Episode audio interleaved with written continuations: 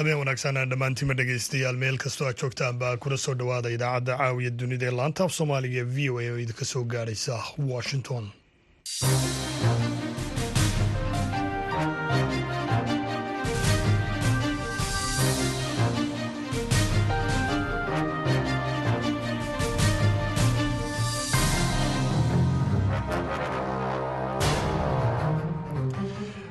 waa fiidnimo isniina taarikhduna ay tahay shan iyo labaatanka bisha sebtembar ee sanadka laba kun iyo saddex iyo labaatan waxaad naga dhegaysanaysaan mawjada gaagaaban ee lix iyo tobanka iyo sagaal iyo tobanka mitirban iyo weliba guud ahaanba dunidood nagala socotaan boggayga v o a somali com. Haataana dhegaystayaal saacadda afrikada bari waxay tilmaamaysaa toddobadii fiidnimo idaacaddana waxaa halkan idinkala socodsiin doona anigoo ah cabdixakiin maxamuud shirwa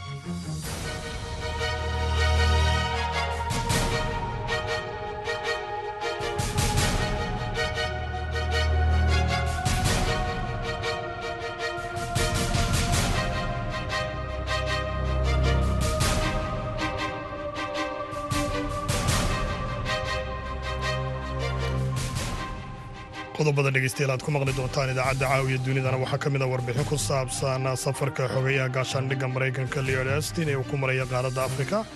Iyadoo sidoo kale aad maqli doontaan falanqayn ku saabsan dhimista ciidamada midooda afrika ee soomaaliya. Admis waxawaaye waxay ilaalisaa dekadda iyo eeraboorka iyo iyo meelaha ay dowladda ay degan tahay oo dhan oo muhiimka iyo xalane oo safaaradihii oo dhan ay degan yihiin. Marka waa inaad maaragtay awoodda amni ee aad ku sugileed intaasi waa inay kuu diyaarsan tahay. Qodobadaasi iyo weliba kuwo kaloo soomaalida iyo caalamkaba ku saabsan ayaad dhegaystayaal ku maqli doontaan intaan idaacadda ku guda jirno hase yeeshee marka hore ku soo dhowaada warkii dunida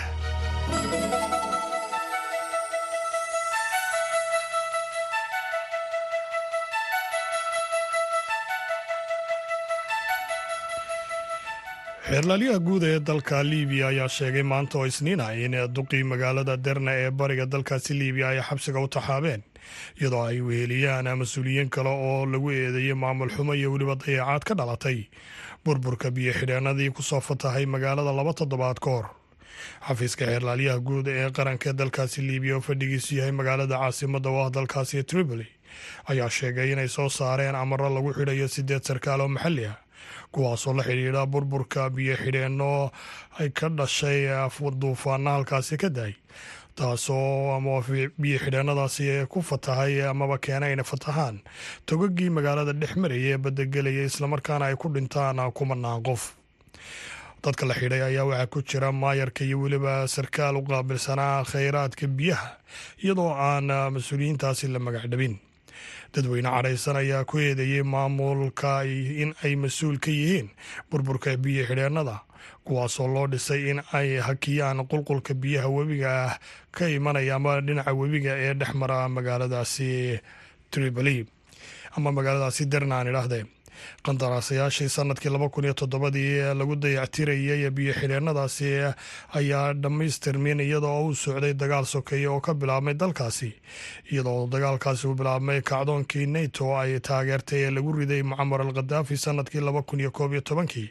Derna ayaa waxaa gacanta ku hayay ilaa iyo sannadkii laba kun iyo sagaal iyo tobankii dagaalyahaano ka kala socday.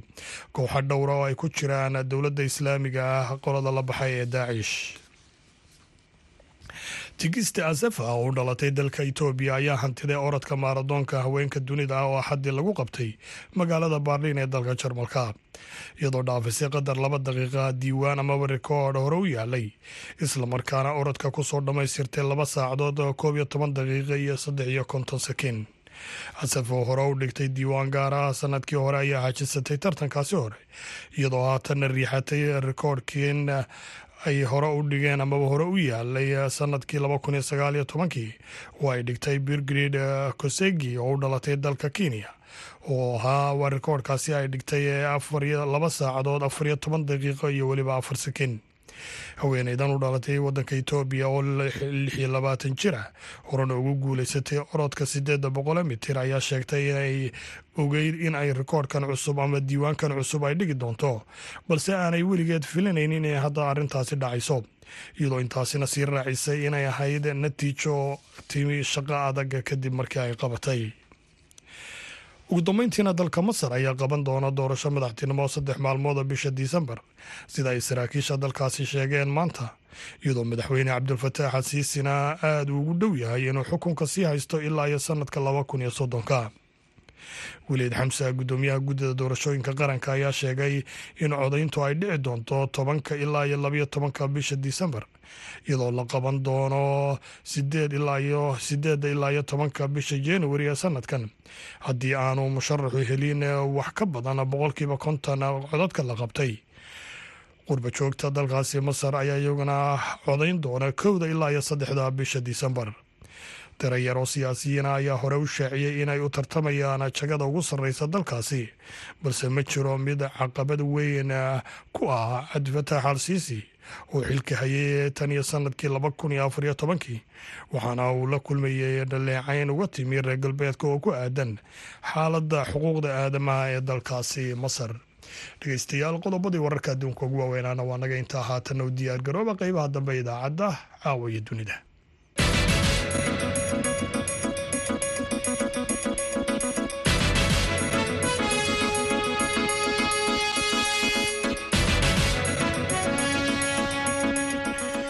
mar kale ayaan idin leeyahay dhammaantiinba meel kastoo aad joogtaaba fiid waxaana wanaagsan. Aan ku bilownay xogeya gaashaandhigga maraykanka leod estin ayaa ka degay dalkaasi kenya. Kadib safarkii uu shalay ku tegay dalka jabuuti oo halkaasi kula kulmay hogaamiyaasha dalalka soomaaliya iyo jabuuti xogeya estin ayaa noqonaya xogeyii gaashaandhigga ee u horreeyay maraykana ee waddankaasi kenya booqda tan iyo sannadkii kun sagaal boqol iyo lix iyo toddobaatankii warbixin ay noo soo dirtay wariyaha v o e carlo bobo. Waxay noo haysaa sahre ciidla nuur safarka maanta ee xogayaha difaaca maraykanka lloyd austin ee magaalada nairobi. Waxa uu qeyb ka yahay kulamo uu la yeelanayay saraakiisha ammaanka. Waxaana uu la kulmi doonaa madaxda dalkaasi kenya isagoo kala hadlaya arrimaha ammaanka iyo ka hortaga argagixisada. Ka hor intii aan u dhoofin magaalada nairobi austin waxa uu u mahad celiyey ciidamada maraykanka ee ku sugan saldhigga loo yaqaano camlominer ee ku yaalla jabuuti isaga oo qiray waxa uu ku tilmaamay doorka aadka u muhiimka ah ee ay ku leeyihiin ammaanka iyo kaalintii muhiimka ahayd ee ay ka qaateen diblomaasiyiintii maraykanka ee laga soo daadguraynayay dalka suudaan bishii abril ayna dhaaftay. Mase austin waxaa kale oo uu tilmaamay muhiimadda ay xaruntaasi u leedahay maraykanka wixii ka dambeeyey weeraradii maraykanka lagu soo qaaday koob iyo tobankii sebtembar sannadkii labadii kun iyo kowdii xogayaha difaaca maraykanka austin waxa uu sidoo kale axaddii shalayto mar uu arrimahaasi ka hadlayay ammaanay. Ciidamada ammaanka ee soomaaliya oo uu sheegay inay horumar la taaban kara ka sameeyeen. Dagaalka ay kula jiraan ururka al-shabaab balse waxa uu ka digay in kooxda shabaab ay weli u diga rogan karaan goobo kale oo ka mida dalka oo maamulka dowladnimadu aanu adkayn amaba aanay cidi ka talin xogayaha difaaca maraykanka lloyd austin waxaa kale uu axaddii shalay magaalada jabuuti kula kulmay madaxweynaha soomaaliya xasan sheekh maxamuud taasi oo qayb ka ah booqashadiisa ugu horreysay ee uu ku tegaya qaaradda afrika isaga oo xogayaha difaaca ah. Markii uu gaadhay dalka jabuuti waxa uu la kulmay madaxweynaha jabuuti ismaaciil cumar geelle iyo wasiirka gaashaandhigga isagoo uga mahad celiyey martigelinta saldhigga ugu weyn maraykanka uu ku leeyahay qaaradda afrika iyo taageerada ay soomaaliya ka siiyaan dagaalka ay kula jiraan argagixisada. Ciidamada soomaaliya iyo maleeshiya beeleedyada macawisleyda ah oo iskaashanaya ayaa dagaal kula jira ururka al-shabaab waxaana ay ka saareen badi gobollada dhexe ee soomaaliya taasi oo qayb ka ah duulaanka militari ee ka socda dalka. Tan iyo markii uu madaxweyne xasan sheekh ku dhawaaqay guluf xooggan oo ka dhana maleeshiyada shabaab laakiin weli shabaab waxa ay sii wadaan duqaymaha ay ku hayaan ciidamada soomaaliya iyo qaraxyada ay shacabka u geysanayaan. Iyadoo dhowaan gaadhi xamuulahay uu ku qarxay meel u dhow kontaroolka magaalada beledweyne ee xarunta gobolka hiiraan taasi oo sabtidii ay ku dhinteen ugu yaraan koob iyo labaatan qof. Laba iyo konton qof oo kalena ay ku dhaawacmeen. Ciidamada ammaanka ayaa lagu wargeliyey gaadhigaasi siday waxyaabaha qarxa waxaana ay ku guda jireen baadhitaan markii uu qaraxaasi dayaamay sida uu v o eda u sheegay guddoomiyaha degmada beledweyne cumar cismaan calasow. Aad iyo aad ayay dhegeystayaal u mahadsan tahay. Sahre ciidla nuur oo inala socodsiinaysay warbixintaasi. Dhinaca kalena dowladda soomaaliya ayaa weli jawaab ka sugaysa golaha ammaanka ee qaramada midoobay taasoo la xidhiidha in la aqbalay in kale codsiga ay ku doonayso in lagu hakiyo dhimista ciidamada midooda afrika haddaba tallaabadan ayaa jamaal axmed cismaan uu ka waraystay gaashaanla sare cabdulaahi cali maxow oo ka faallooda arrimaha amniga iyo weliba ciidamada. Horta waxa waaye ciidamadii qalabkiisada gaar ahaan xoogga dalka soomaaliyeed waxa uu aad uu mashquul uu ugu yahay inuu maaragtay khawaarijta ama muxuaha argagixisadan sida uu maaragtay gobollada dhexe oo maarata uga saari lahaa. Inta badanna waxa waaye dhaawac badanna uu ku soo gaaray muxuaha argagixisada admis waxa waaye waxay ilaalisaa dekadda iyo eeraboorka iyo iyo meelaha ay dowladda ay degan tahay oo dhan oo muhiimka iyo xalane oo safaaradihii oo dhan ay degan yihiin.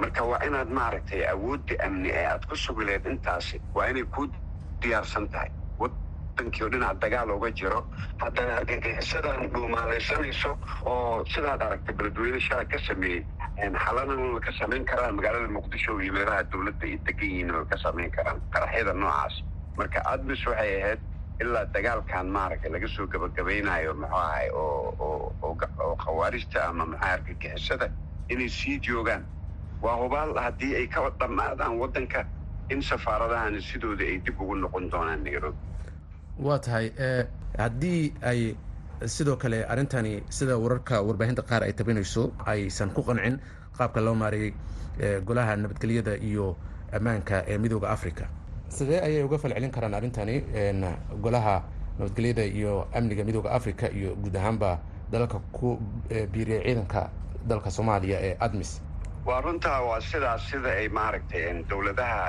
oo ku deeqay oo muxuahay admis oo muxuahay oo uganda ugu horeyso oo dhammaantood waa dowlado muxuahay muxuahay africa marka waxay ahayd in ninkaan la yidhaahda muxuahay national security advisorka go'aankaasi markii la gaaro in maaragtay dowladda ay soo dhalaandhiliso oo golaha wasiirada uu soo maro oo ra'iisul wasaaraha oo okay uu saaro kadib maaragtay in loo gudbiyo muxuahay wasaaradda arrimaha dibadda loo gudbiyo la geliyo fileka la geliyo kadibna muxuu ahay go'aanka la gaaray by hand lagu qaado ma ahan xataa in social media la geliyo ama muxuaha email loogu dira ma ahan markaa safiirka loo gudbiyo muxuaha addis ababa addis ababa ay qaadaan oo security councilka oo african unionka ay geeyaan kuwa african unionkana kadib protocol lacagta muxuaha ay gudbiyaan muxuu ahaa documentigaas ay soomaaliya ay sidaas ay ku codsanayso ay u gudbiyaan national securityga muxuu ahaa united nation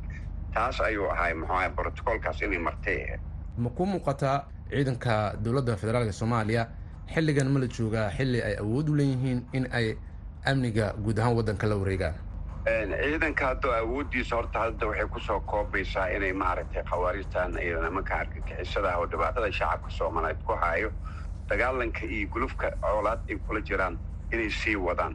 Marka taasi su'aal waxaa imaanaysa intee in la-eg ayay qaadanaysaa? Ma hal sanay ku dhammayn karaan? Ma laba sanay ku dhammayn karaan?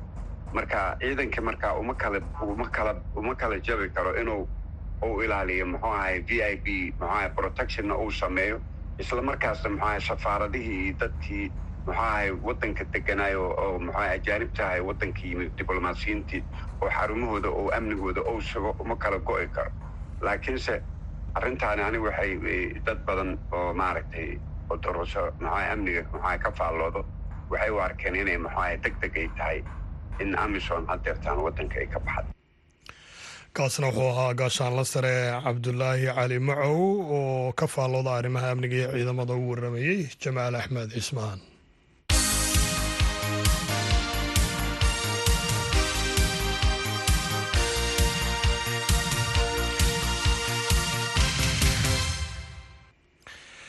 magaalada jabuuti waxaa ka furmay maanta shirweynaha sagaalaad ee sanadlaha ee afrika ee qaabilsan adeegyada ganacsiga lagu isticmaalo dijitaalka islamarkaana lagu soo ururiyo daaqad keliya. Shirweynahan ayaa loogu talagalay in uu dardargeliyo adeegsiga dijitaalkaga xagga ganacsiga qaaradda afrika. Warbixin arrinta ku saabsan waxay noo hayaa wariyahayaga ramadaan muuse jaamac shirweynahan sagaalaad ee sannadlaha oo socon doona laba maalmood ayaa looga dan leeyahay sidii qaaradda afrika. Ay u xoojin lahayd fudaydinta adeegsiga xagga ganacsiga lagu isticmaalayo aaladda dijitaalka lagu soo ururiyey farsamo qaabilsan daaqad keliya oo ah single window. Shirweynahan oo ku dardargelinaya qaaradda afrika adeegsiga farsamada casriga dijitaalka ayaa gaar ahaan fursado badan siinaya qaybaha xidhiidhka ganacsiga afrika isagoo u wasmaxaya inuu u soo bandhigo dhinacyo kala duwan oo si fudud ay uga faa'iidaysan karaan. Xildhibaan maxamuud mustafe daa'ir oo baarlamanka jabuuti u qaabilsan horumarinta adeegsiga aaladda dijitaalka ayaa iga warramay siday u soo dhoweynayaan howlahan waxaanu aad ugu faraxsannahay haddaanu nahay jabuuti in waddankeena amba dalkeena jabuuti uu markii ugu horeysay soo martigeliyo shirka sagaalaad caalamiga ah ee ku saabsan afka ingiriiska haddaan igu sheego single windows. Shirweynahan ayaa muujinaya doorka sare ee muhiimka ee dalkeena amba waddankeena jabuuti ku leeyahay amba kaga jiro ganacsiga caalamigaha sidoo kale shirkan uu mawduuciisu ku saylaysan yahay isticmaalka aaladda dijitaalka goobta ganacsiga ayaa ka turjumaya abuurista wasaaradda u heelan aaladda dijitaalka ee ka timiday fikradda iyo aragtida iyo siyaasadda madaxweynaha jamhuuriyadda jabuuti xaaji ismaaciil cumar geele ugu dambeynna waxaan u rajeynaynaa shirkan inuu si kheyr qabta ugu dhammaado dadkii ka soo qayb galoo dhan. Waxaanu leenahay full success shirkan sagaalaad ee caalamiga cabdalle riiraash oo ka mid a mas'uuliyiinta bankiga salaam african bank ayaa isna ii sheegay qaabka macaamiishu ay uga faa'iidaysan karaan adeegyadan shirkan wuxuu dhammaystir yahay geedi socodkii jabuuti ee ahayd in ay noqoto albaab laga galo afrika gaar ahaan waddamada clobesa marka kaasi buu xoojinaya taana waxay ka dhigaysaa waa wejigii labaad oo ah in wixii loo wareegay wixii digitaala qofkii kastamarkii imanaya inuu adeegiisi meel keliya uu ka wada helo oo uu sidaa isagoo meel walba adduunka jooga adeegiisa geli karo waxaa kaloo intaa raacsan dee baymentkii inay qofku wax bixiyana qaybna waa adeeg qaybna waa wax uu bixinaya. Qaybkiina waxaa waxaa ka mida waafi ayaa ka mida oo solutionka u haysa amba xalka u haysa in qofkii adeegii uu ka helay single windowska uu ku bixiyo baymentkii waafi rabadaan muuse jaamac v o a jibuuti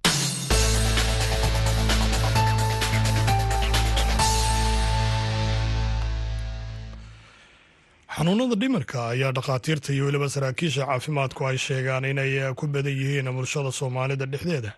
Dhibaatooyin islamarkaana ay keenaan dhibaatooyin daba dheeraaday shaqa la'aan iyo weliba murugo. Wariyaha v o a faadumo yaasiin jaamac ayaa la kulantay qaar ka mida qoysaska ay heladooda qabaan xanuunada dhimirka. Islamarkaana warbixintan arrintaasi ku saabsan nooga soo dirtay magaalada boosaaso tiro badan oo ka mid ah dadka soomaaliyeed ayaa waxaa la soo dersa xanuunno dhinaca maskaxda ah oo ay sababeen dhibaatooyin nafsaani ah oo ay kala kulmeen colaadihii sokeeye ee ka dhacay dalka soomaaliya. Qaarkood waxaa laga dhacay hantidii ay lahaayeen iyadoo kuwo kalena ay xanuun ka qaadeen kufsi iyo dilal hortooda loogu geystay.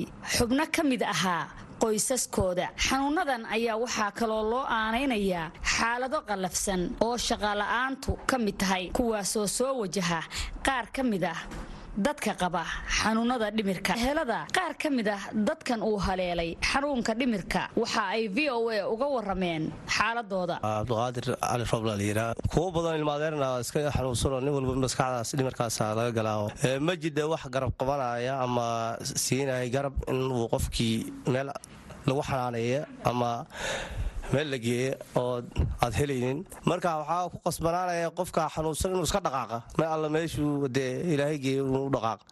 Kii kalena marka waxaa qabanaya murugta ku beeran ninkii walaalkiisu weysan yahay annaga yar la yidhaah siyaad cali rooble. Baa labada kun iyo tobanka baa noogu dambeysay. Hadda meel allo meel ku sugayahay garamayna wixii waa xanuunsanaa miirka laga galayo daawo baan haataa siin jiray. Aniga dee nin xaasla aan ahay markaa dee waa wixii siinaya mooyaan haddee wax ku fillaan weyna noqoto. Meel aayid ama caafimaad ay dadka garab kaa siinayaan ma geeri midna ma hayna magacayga cabdi axmed wiil saddex waan u haayo oo gabadhayda ilmo ka dhalay oo magaalada boosaaso jooga oo xirxiran oo saddexdaas cunug. Ehelkiisana aysa soo daba kicin.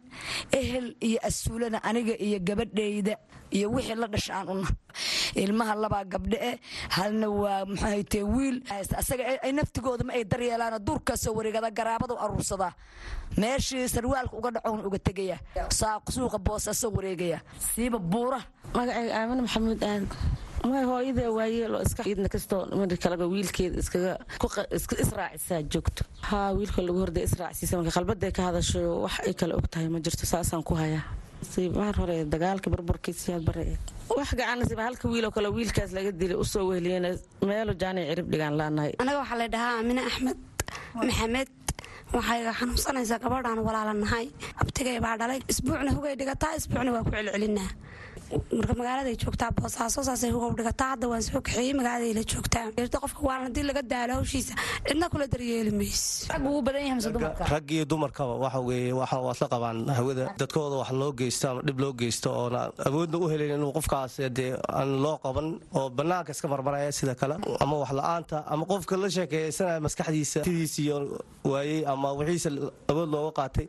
Marka waxaasaa keenaya marka laakiin ragga u badan yahay ragga badin. Waxaasla sheekaysto oo wax dee awood u helayn inuu hawada u saaro ama sida kale buuqa sidiisa oo reerka dhexgala marka waxyaaba badan baa keenaya waalida marka ilaahay hawsa qari baan leenahay alxamdulillah shukr dadka qaba xanuunka dhimirka ayaa qaarkood waxa ay la kulmaan darxumo nololeed maadaama aysan helin daryeel waxaana lagu arkaa dariiqyada magaalooyinka iyagoo aan qabin kabo ama hu fiican islamarkaasna ay ka muuqato daryeel la'aan balse waxaa jira tiro yar oo dadkaas ka mid ah oo ay gacanta ku hayaan qoysaskooda oo awooda inay geeyaan goobo caafimaad oo lagu daweeyo dadka qaba xanuunka dhimirka. Faadma yaasiin jaamac v o a boosaaso haddaba sidee wax looga qaban karaa dadka qaba xanuunka dhimirka?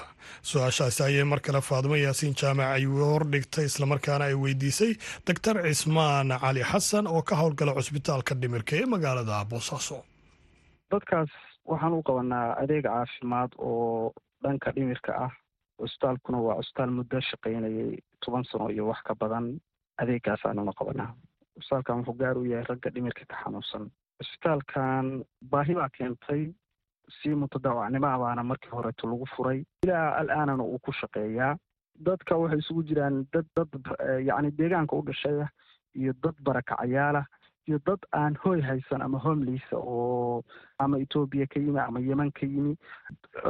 Dadkaasay isugu jiraanin dhibaatada marka ugu weyn oo jirta waxa waaye dadka homeliiska ah baa noogu daran oo markay caafimaadaaniin hadhow oo fiicnaadaaniin meel aanu u celino aanan garanayninoo mushkilad weyn bay nagu hayaan runtii laakiin dee dadka deegaanka ah waxa waaye dee dadkoodii baa jooga oo markay fiicnaadaan ayagaa yacni ama shaqa ha u sameeyaanin ama si kale ha u magaciisayaanin waa dad faamilkoodii haysta laakiin dadka homeliiska baa ugu daran. Dadka xanuunka dhimirka qaba ee aada daweysaan ama aada dar yeeshaan oo ku haysaan xarunta.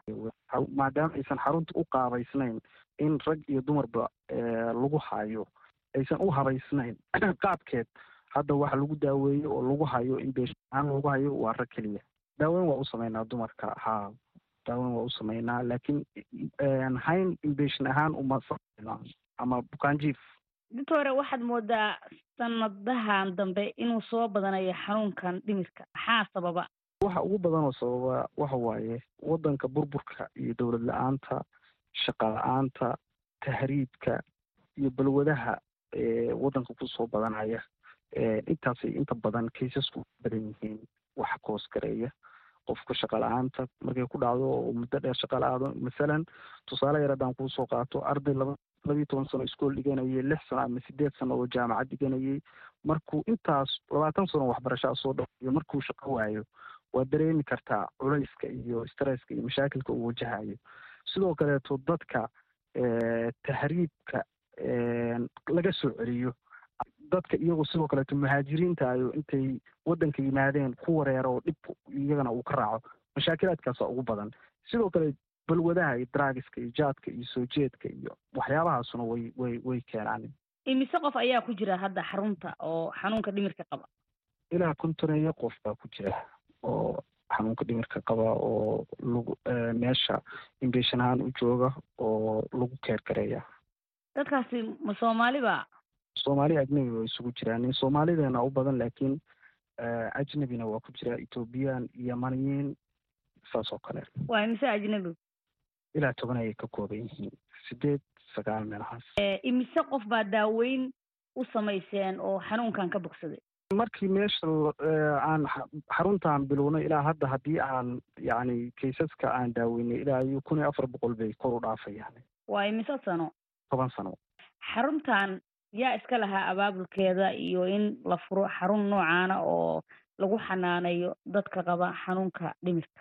Wallaahi fikraddeeda waxaa iska lahaa suldaan maxamed geelxoor oo si mutadawacnimo ah arrinkan markii horeeto iyo aragdada jaamacadda oo iska kaashaday baa markii horeeto furay. Dadka ma lacag baa ka qaadaan marka aad daaweyneysaan ama aada haynaysaan qofkii awoodaha lacag baan ka qaadnaa waxaa jira qoysas sheegay dadkooda inay kharash u waayeen ay ku hayaan guryaha. Sida aad sheegtay haween oo kale oo aan halkan lagu hayn karin. Marka dadka noocaasi ma jiraan. Dadkaan qarashka iska bixin karin. Haddee baahidu way badan tahay oo waa dareemi kartaa meeshuna meel iska yar waaye. Baahidu way badan tahay laakiin intii aanu kari karno si bilaasha baanu maaragtay ku daaweynaa waxaa jira dad waddooyinka magaalada boosaaso waxaa mararka qaybtood lagu arkaa dad ka xanuunsan dhimirka haddana mindiyo ama biro dadka waxyeeli kara ku hubaysan. Dadka noocaasa marka aad qabanaysaan wax caqabada ma kala kulantaa caqabad waa lagala kulmaayo. Dee halisteeday leedahay qof wax dilaya oo maxaan ku idhaha toorey ama mindi ama bir wata riskigiisuu leeyahay. Laakiin waxaa jira dee shaqaale u tababaran oo qaabkay u qabanayaan iyo qaabkay ula macaamilayaan iyo sababta waxay ku tahay dhimirku wuxuu waa xanuun ka mid a xanuunada qofka biniaadanka ku dhaca oo kale. Marka wax mashaakil ah oo saa u sii weyn maaha qabashadiisu. Waxaa jira haween ka xanuunsan dhimirka qaybtood iyagoo carruur haysta waddooyinka lagu arko qaar ay gidaarada hoy u tahay maxaa xala oo loo hayaa dadkaas arrinkaa wuxuu u baahan yahay in dowladda iyo hay'aduhu ay siyaasad ka yeeshaanin arrinkaas leanna waxa kan wax shacab keliya ay wax ka qaban karaanin maaha haddaan shacabka iyo dowladda iyo hay'aduhu aysan iska kaashan. Waxaad moodaa marka dowladduna inaanay arrinkan ku baraarugsanayn hay'aduhuna budget ay u qorsheeyeen aanu jirin. Marka dhibka waxa keenaya waa kaas inay dadkii ku dayacmaan in jidadka oo meelahaas ay isaga xanuunsan yihiin oo aanay helin maaragtay keerka ay u baahnaayeen. Cuntada iyo daawada iyo daryeelka dadkan ma jirtaa cid ina ka gacan siisaa? may ma jirto. Wagaag dhegeystayaal kaasina ahaa doctor cismaan cali xasan oo ka howlgala cusbitaalka dhimirka ee magaalada boosaaso oo u waramayey faadimo yaasiin. Jaamac haatana dhegeystayaal aynu jalleecno dhinacii kaalmaha heesaha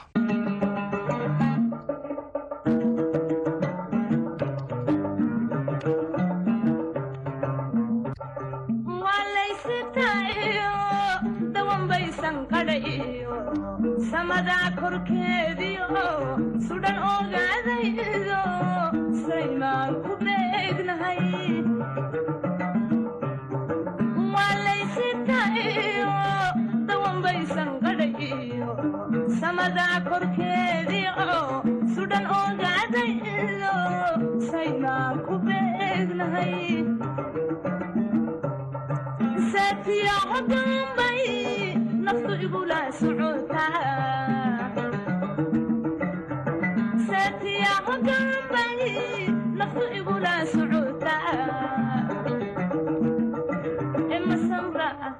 masexda masuga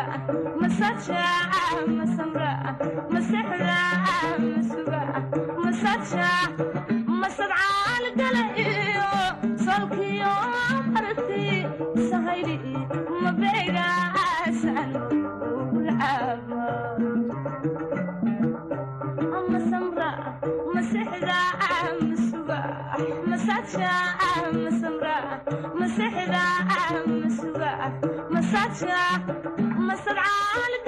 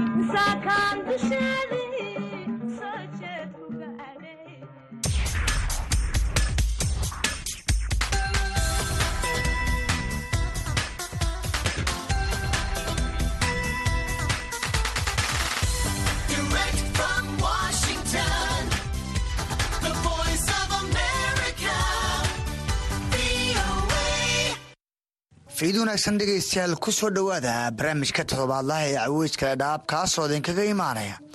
La'aanta afka soomaaliga ee v o a reediga xeryaha dhadhaab barnaamijka caweyska toddobaad walba waxaad ku dhegaysataan labada mawduuc ee u wadalheynta badan yihiin. Bulshada ku nool xeryaha qaxootiga iyadoo dhegaystayaasheena dhadhaab iyo deegaanada ku xiran ay si toosa nooga dhegaysan karaan. Idaacadda fm-ka v o eda dhadhaab ee ka soo gasha muwjada fm-ka ee hal ebir lix dhibic todoba megahartis barnaamijkeena caawa qodobada aad ku maqli doontaanna waxaa ka mid noqon doonaa.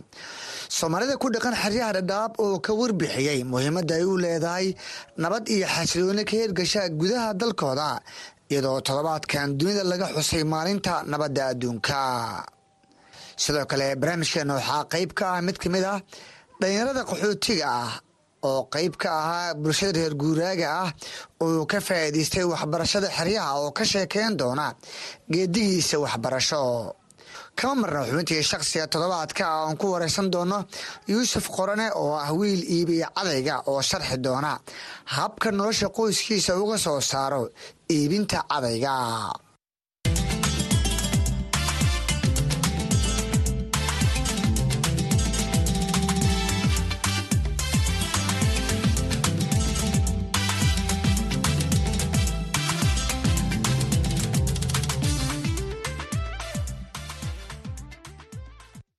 barnaamijka waxaa idinla socodsiinaya anigoo ah cabdisalaan axmed nabadda iyo ammaanka ayaa saldhig u ah horumarka kobaca dhaqaalaha ilbaxnimada ku dhisan ee dunidan casriga ah kaas oo in muddaha ka aaganaa dhulka soomaalida. Iyadoo afartankii sano ee la soo dhaafay bulshada soomaalida ay dhex muquuranayeen hirar colaadeed inkastoo si toos ah nabad la'aanta loo wajahay.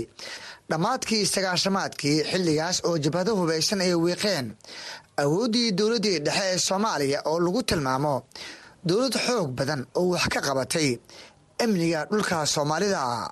Haddaba nabaddaasi luntay afar iyo soddon sano ka hor sidee bay ugu noolaayeen bulshada soomaaliyeed? Waa kan cabdirashiid aadan oo ka mid ah dhalintii reer muqdisho oo ka sheekeynaya waayihii nabadda. Magacaygu waa cabdirashiid aadan maxamed kana mid ahaa barbaartii muqdisho ku soo barbaartay waad mahadsantahay v o eda dhammaan barto waa idin salaama. Barnaamijka aad ka hadlaysaanna markaan soo xasuusto mararka qaarkood ma malaysan kartid saa isu bedelo malab ninkii dhamiya ayaa yaqaan inuu macaan yahay. Nabaddu waxay tahana cabdisalaan maanta kaagama sheekeyn karo waddankeenna soomaaliya khaasatan magaalada muqdisho. Amniga iyo dowladnimadii iyo sidaan wakhtigaan ahayn iyo wakhtigii haddii la taagan yahay wax aan kaaga qiyaasi karo ama wax aan kaaga sheekeyn karo aan kuu sawiri karo maanta ma ahan maalan haddaan kaaga soo qaado waxaan goobjoob u ahaa shareer reform meesha ku taal ninkii yaqaana yaqaana shangaani ka soo horjeedkeeda masaajidka ku yaallo oo masaajidka laga hoosalay ayaa maan dhismihiisa soo socdo masaajidka cusbaa manaaradiisa oo nin fuulay. Waa soo tuuraa yiri haddii kale toban kun halaysiiyo cabdilgusweyne allah u naxariista ninkay ay dhihi jireen oo taliyii qaybta galbeed ahaa iyo tooyin iyo ambalaas iyo waxbaa la keenay. Iyagoo markaa badbaadinaya ninkan manaarada saaran ee nafsadiisa inuu qaribad diidayo tobankii kunaa loo keenay waa la tusay. Oo cabdullah gacanta ka tusay si lagu soo dejiyo lagu badbaadiyo maanta inteen taaganahay marka waa dareemi kartaa marka cabdisalaam meeshaan ka hadlayo qiimaha shaksigaas uu lahaa ee maalinta lagu badbaadinaya ee dabdamiska u yimid ee ambalasta ay timid ee booliiskii u taagan yahay maanta waxay taagan tahay in wadar qabriyad lagu duugo soomaaliya. Waad dareemi kartaa waddankeena.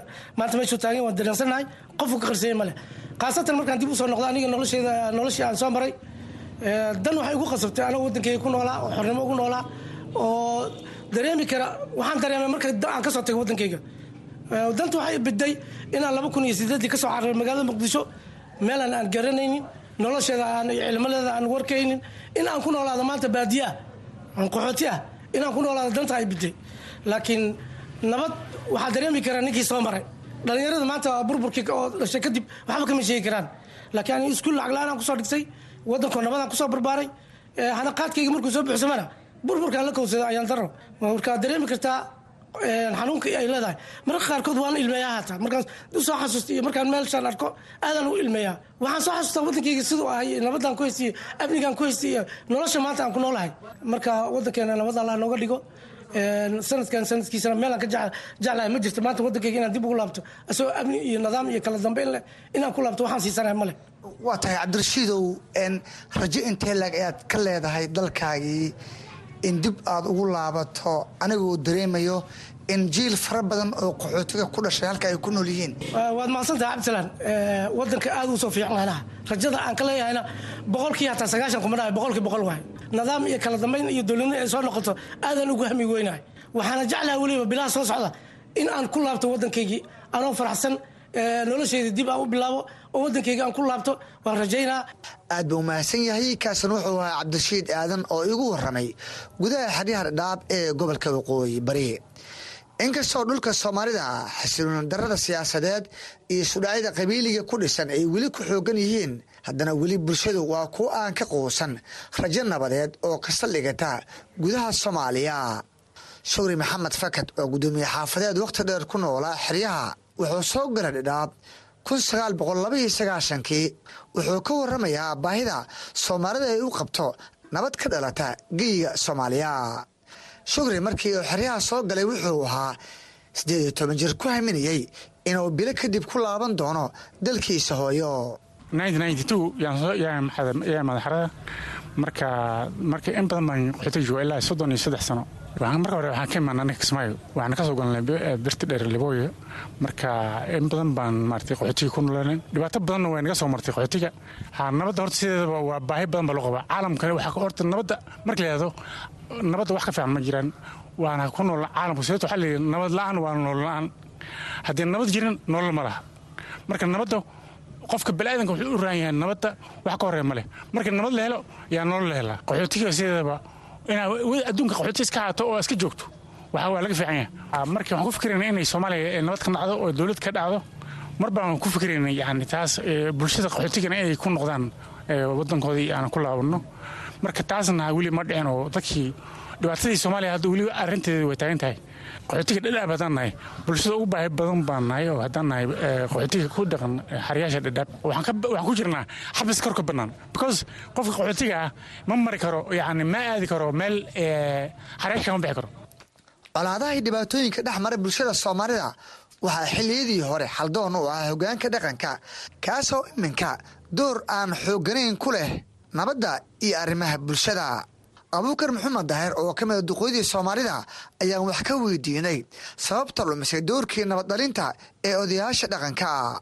Wakhtidii dambe waxaa lumay doorka ay lahaayeen odayaashii dhaqanka oo waxaad moodaa bulshadii inay inta nabadda ka shaqaynayso aad u yaraatay. Ma la odhan karaa colaadaha gaamuray? Qayb ayay ka tahay gaabiskan ku yimid doorkii duqoydii soomaaliyeed. Lama odhan karo cabdisalaano waxa weeye adduunkiibaa isbedelay. Siyaasad aan macno ku fadhiyin qabaa'il maaragtay laysku dirayo qabaa'il dan laga fushanayo waxaa jiri jiray ogaas soo jiray ugu yaraan ka awow ka awow ka awow shan ama afar ama lix ama saddex uu soo ahaa ogaasnimo yaa intii maamul meel laga dhiso. Yaa la dhihi laga daaya odaygaase hebel baan wataay hebelow ugaas noqo oo qabaa'iladii saa la iskugu dirayo. Ugaas dhaqameedkii iyo dhaqankiina waxaa bedelay oo qaribay maamulada hadda soomaaliya ka socda. Ninkii weligii ugaaska uu ahaa qabiilka oo dhaqankiisa hogaaminaya yaa mid laga daba keenaya sidii laba askaroo la isku bedelayo marka dhaqanka halkaasu ka hallaabay wax hagaajinaya male mid baa iska soo sharaxaya ugaasnimo mid kalea lagu bedelayaa ugaaskanu saa ma ahaan jirin duubku wuxuu ahaan jiray qabaa'ilka oo dhan ayaa dooran jiray. Nin la caleemo saaray oo la soo xusay oo aabbihii ama awowgii ama awowgii shanaad uu ugaas soo ahaa ayaa hogaamin jiray qabaa'ilada hadda waxay noqotay kii oo jooga in mid kale yidhahda maamulka hebel baan magacawnay. Siyaasadii ayaa bedeshaa leedahay. Siyaasadii baa qaribtay wadanka markii xaqiiq rabo dhaqankii oo dhan siyaasaddaa bedeshay si xun bayna u bedeshay lagamana faa'iidinoo maanta. Wax xusmad iyo sharaf leh kama jirto soomaaliya qiimihii dhaqanka ayaa luma leedahay. Waa lumay maya si xun buu u lumay weliba. Si fool xun buu dhaqanka u lumay. Waayo nin haddee maanta ugaasoo talinayo qabiilkiisa hor jooga maba jiraba. Mid orol cusub oo la socda siyaasadda hadda socotay ee maamulka ninka madaxda ka ah yaa waddanka ka talinaya xeerkiiyo dhaqankiina garanaynin berbageydadana garanaynin wuxuu raba samaynayo. Marka ummaddii saasaa u dambaysay anigu waxaan soo joogay dowladdii siyaad barre dowlad fiican oo sharafla noo joogtay. Cirka marisoo aarka afrika la magac baxdoo la yaqaano.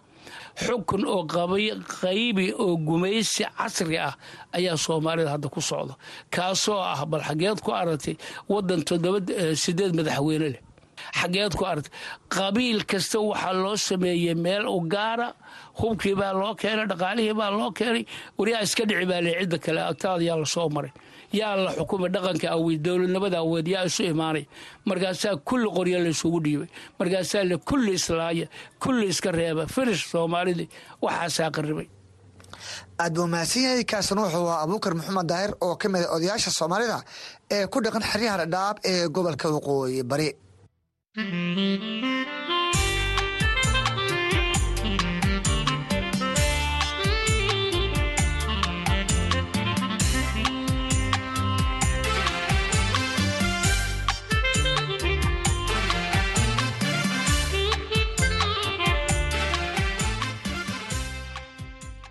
weli waxaan dhexda ka jirnaa barnaamijka cawiijka dhadhaab oo idinkaga imaanaya la'aanta afka soomaaliga ee v o a waxaan idinku soo maqan warar kale oo xiise ku aadan isla wararka qaxootiga balse iminka idinku wareejiyo saaxiibkay axmed cabdilaahi jaamac oo stuudiyaha igula sugan si uu noogu soo tabiyo barnaamijka qaybihiisa kale mahadsanid cabdisalaan axmed dhegaystayaal waxaad nagala socotaan barnaamijka caweyska dhadhaab oo aad ka dhegaysanaysaan la'aanta afka soomaaliga ee idaacadda v o a waxaana uu barnaamijku si toosa idinkaga imanayaa xeryaha dhadhaab ee gobolka waqooyi bari ee kenya.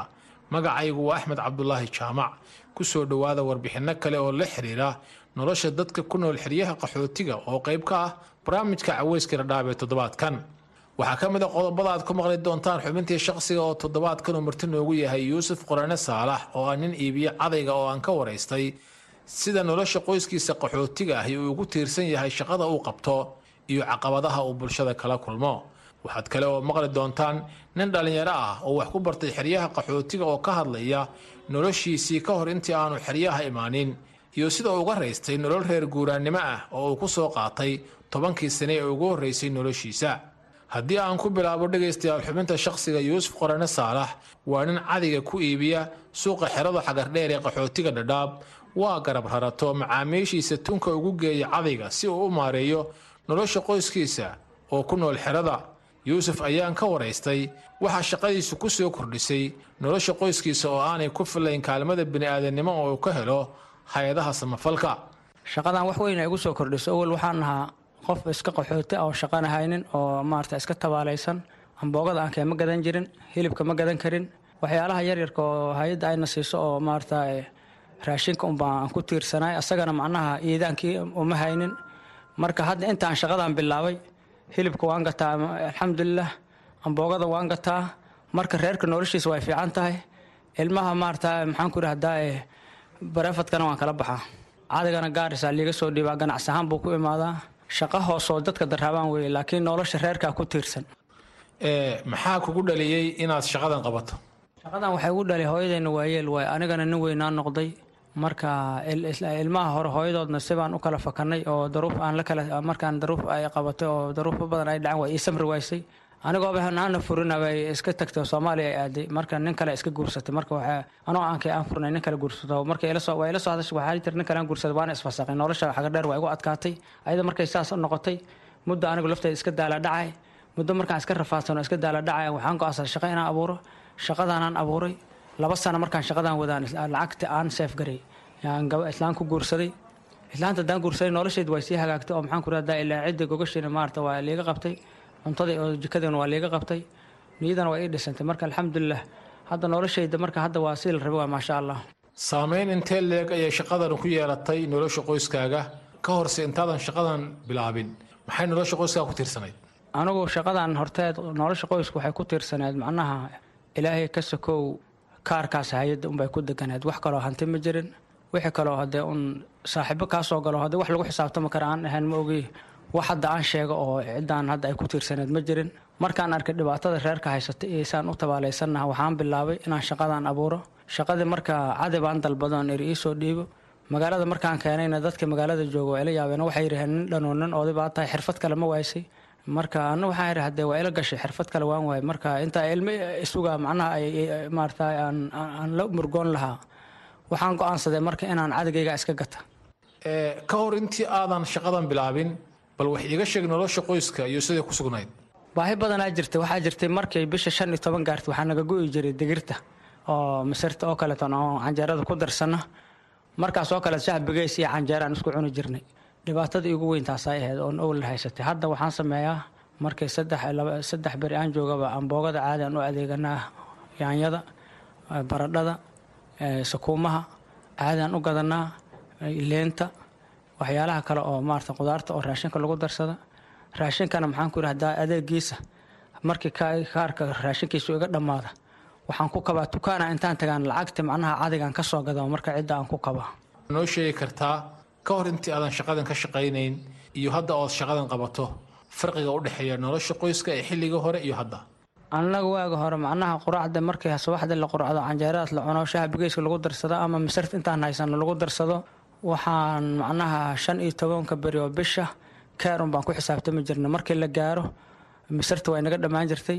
Shan iyo tobanka dambe shaha bigeysaan macnaha canjeerada ku darsan jirnay.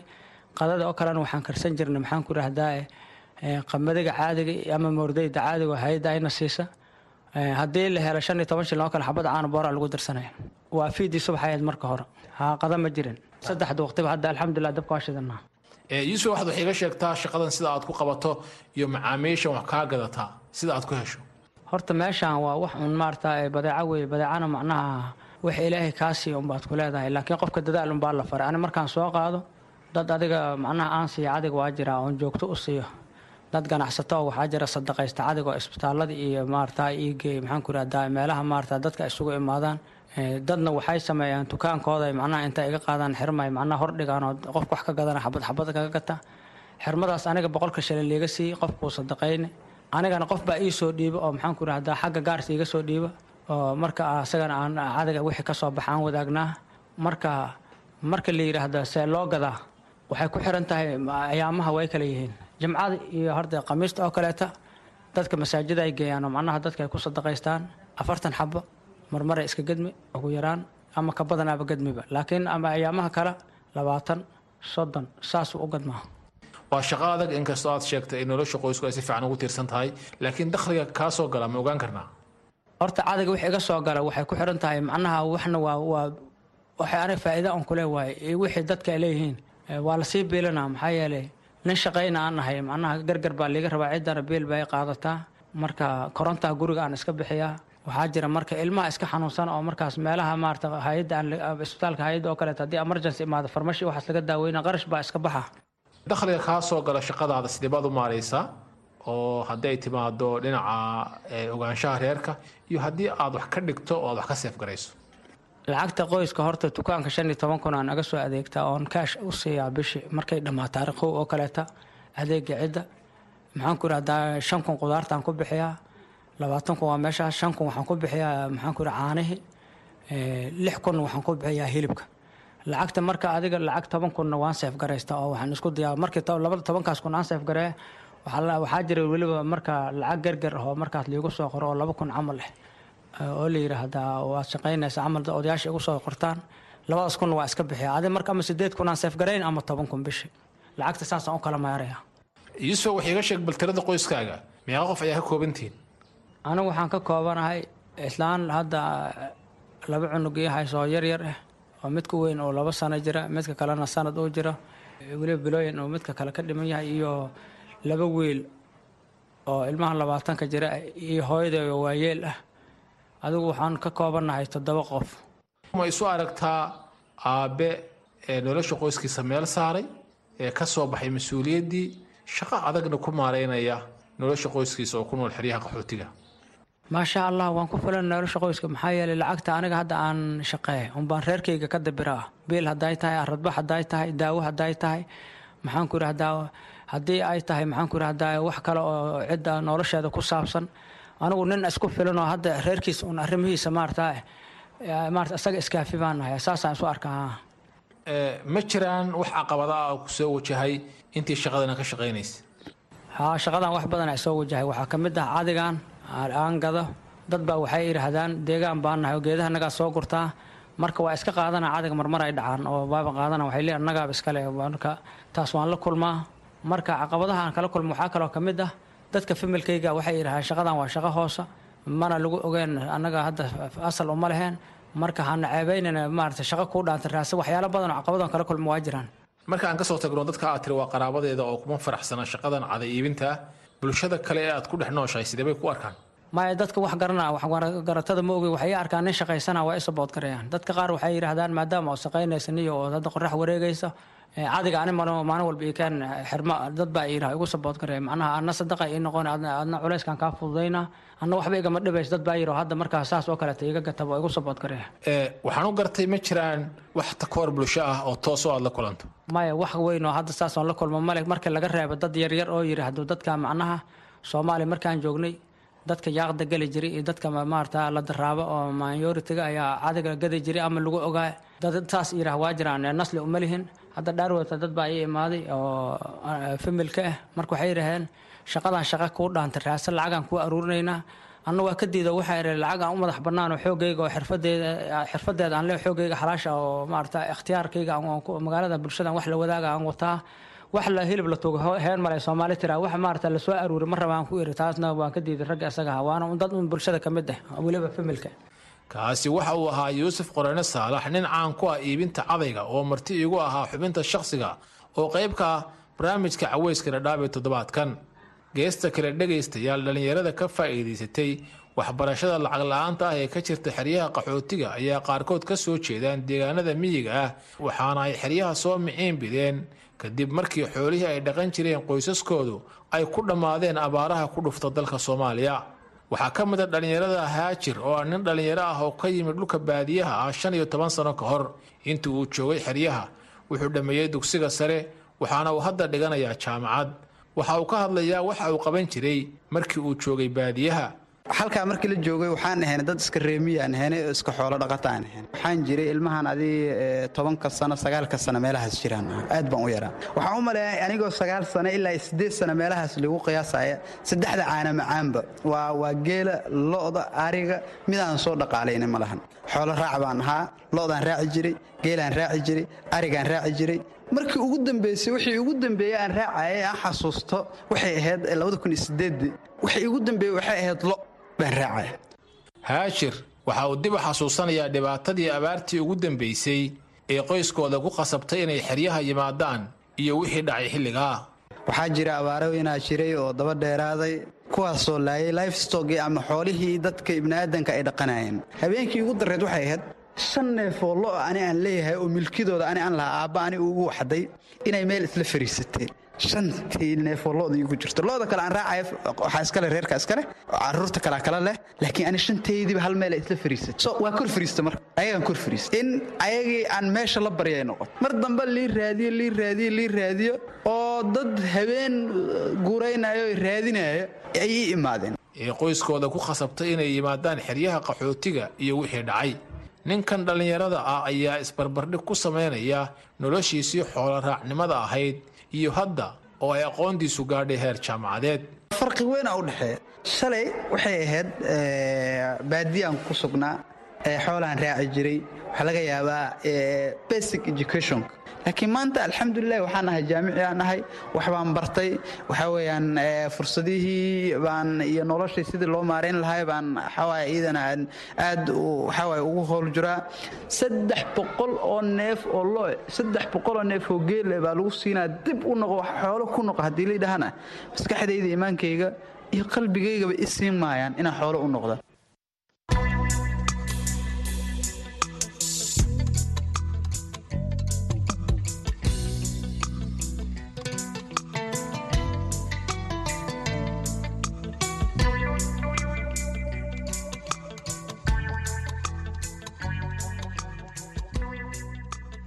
dhegaystayaal barnaamijkii caweyska dhadhaab ee toddobaadkan inta ayuu inoogu egyahay.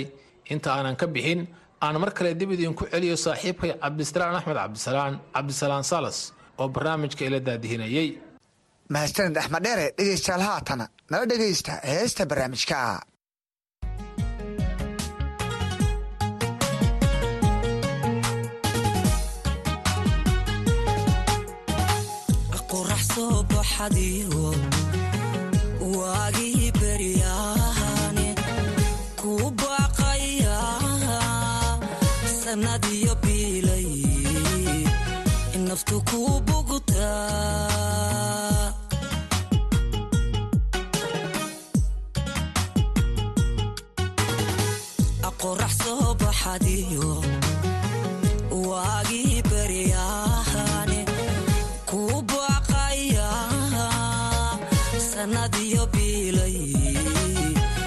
naftu kuu